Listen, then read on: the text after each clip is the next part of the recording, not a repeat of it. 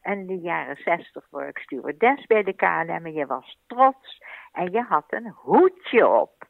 Je was een uh, representante van de KLM, Royal Dutch Airlines. Ik was trots op dit mooie bedrijf.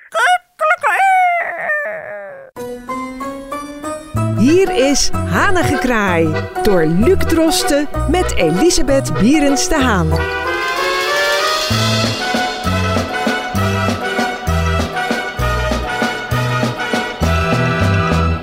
Dit is Hanengekraai hier op Amsterdam FM. En deze week, mevrouw Bierens de Haan, een thema dat u na aan het hart ligt. En dat is de huidige situatie rond de KLM. En nu citeer ik even een Volkskrant artikel uit februari. Na een rampzalig 2020 ziet 2021 er voor Air France KLM niet veel rooskleuriger uit. Dat gaat u ongetwijfeld uh, aan het hart. Het gaat me aan het hart. Kijk eens, KLM, Koninklijke Luchtvaartmaatschappij, Royal Dutch Airlines. Het visitekaartje van Nederland. Een prachtbedrijf. Opgericht in de jaren, nou ja, toen het nog allemaal modder en drassig was en dan vliegt een tweedekkertje door de modder heen. En zo begint de KLM. Plesman, Albert Plesman. Ik heb hem net niet meer ontmoet. En dan komen de directeuren, dan komen de vliegtuigen. En in de jaren zestig word ik stewardess bij de KLM en je was trots. En je had een hoedje op. Dat was nog naar Amerikaans model.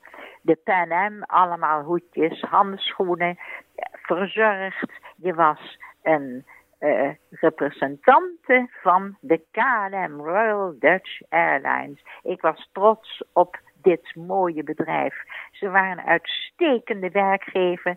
Je zei niet je en jij, maar je zei u aan boord werd er u gezegd. Meneer Cohen, mag ik even van u die biefstuk hebben? Die is voor die mevrouw daar. Het is nu Jan, Piet, Klaas, Thea. Het is totaal veranderd. En de financiële positie is moeilijk. Er is een fusie. Ik had graag gewild een fusie met nog een bedrijf erbij, zeg maar Sabena. Nederland, Frankrijk, Sabena. Dit heeft twee poten. Ik vind drie poten beter dan twee.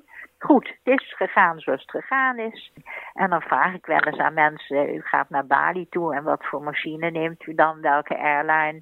Nou, ik neem dit of ik neem, uh, ik ga naar India, India Air. En dan zeg ik, waarom niet met de KLM? Ja, de service is veel beter. We krijgen uitgebreide maaltijden en de stewardessen zijn zo schattig en zo lief. En, en dan hoor je, dan denk je, dan ga ik eens terug naar mijn tijd.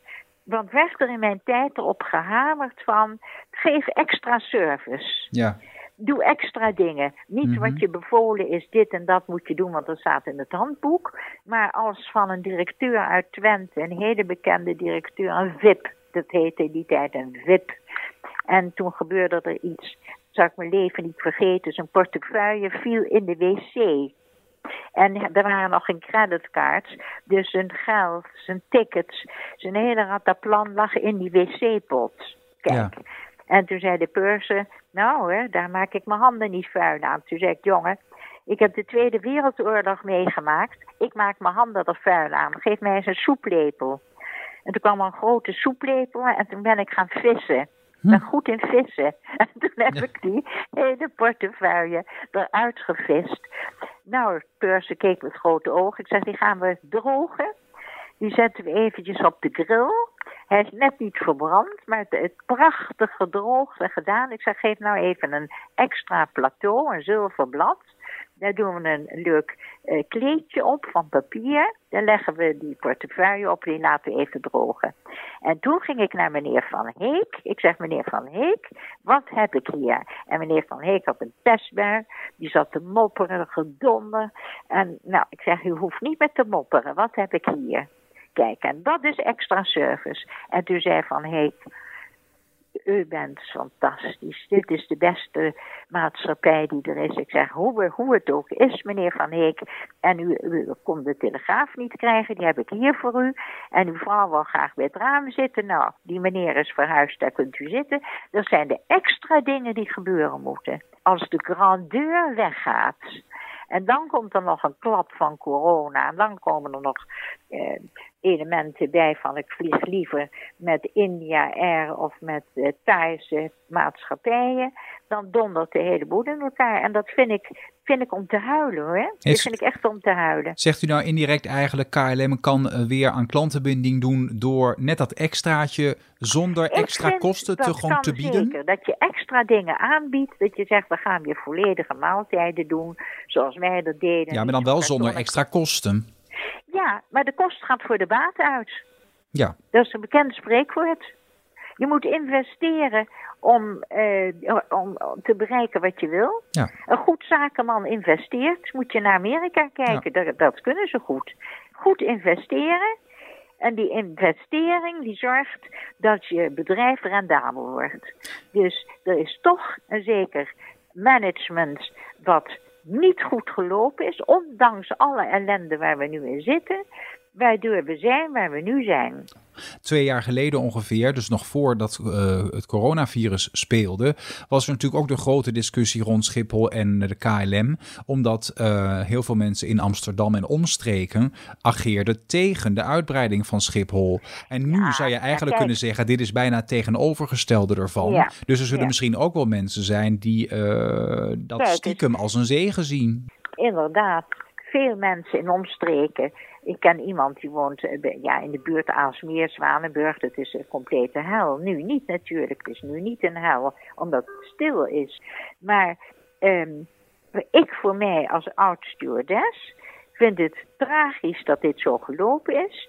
En dan komen we bij Parijs. In Parijs is het verboden om over de stad te vliegen. Dat is een heel belangrijk punt.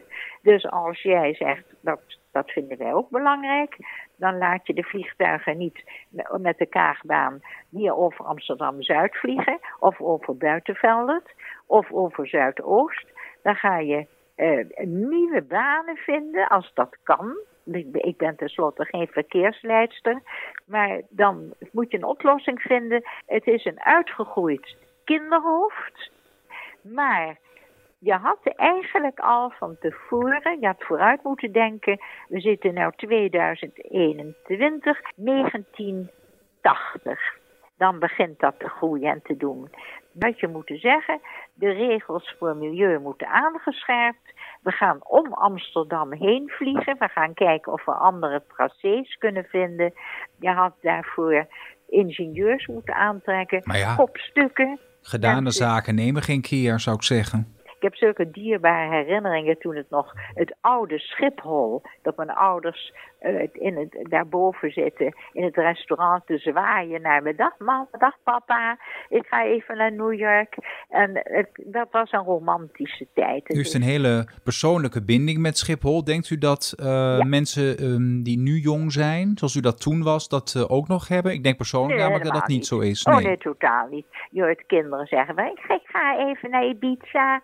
En dan kom ik over twee dagen terug en dan gaan we daarna naar Corfu. En daarna gaan we naar Zweden. En daarna gaan we, weet ik veel waar ze naartoe gaan. Ja. Ze zeggen het met een stadig gezicht alsof je even op lijn 24 gaat. De magie is uh, weg. De magie is weg.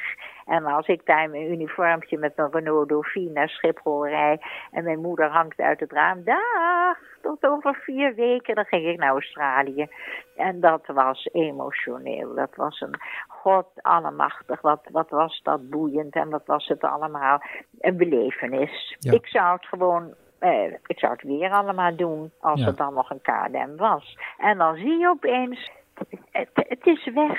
Het, het- de droom is uit elkaar gespat. Denkt u Dat- realistisch dat er nog weer wat uh, van KLM te maken valt? Ja, ik zou het heerlijk vinden als, als KLM weer op, op de poten komt. Je moet daar diplomatieke mensen voor hebben. Er was er maar één in Amerika die eh, met Israël en met Palestina goede overeenkomsten kon maken. En ook met Irak en Jemen en, en al die landen die om Israël heen liggen. Dat was één man. En zijn naam was Kissinger, Hen- Henry Kissinger.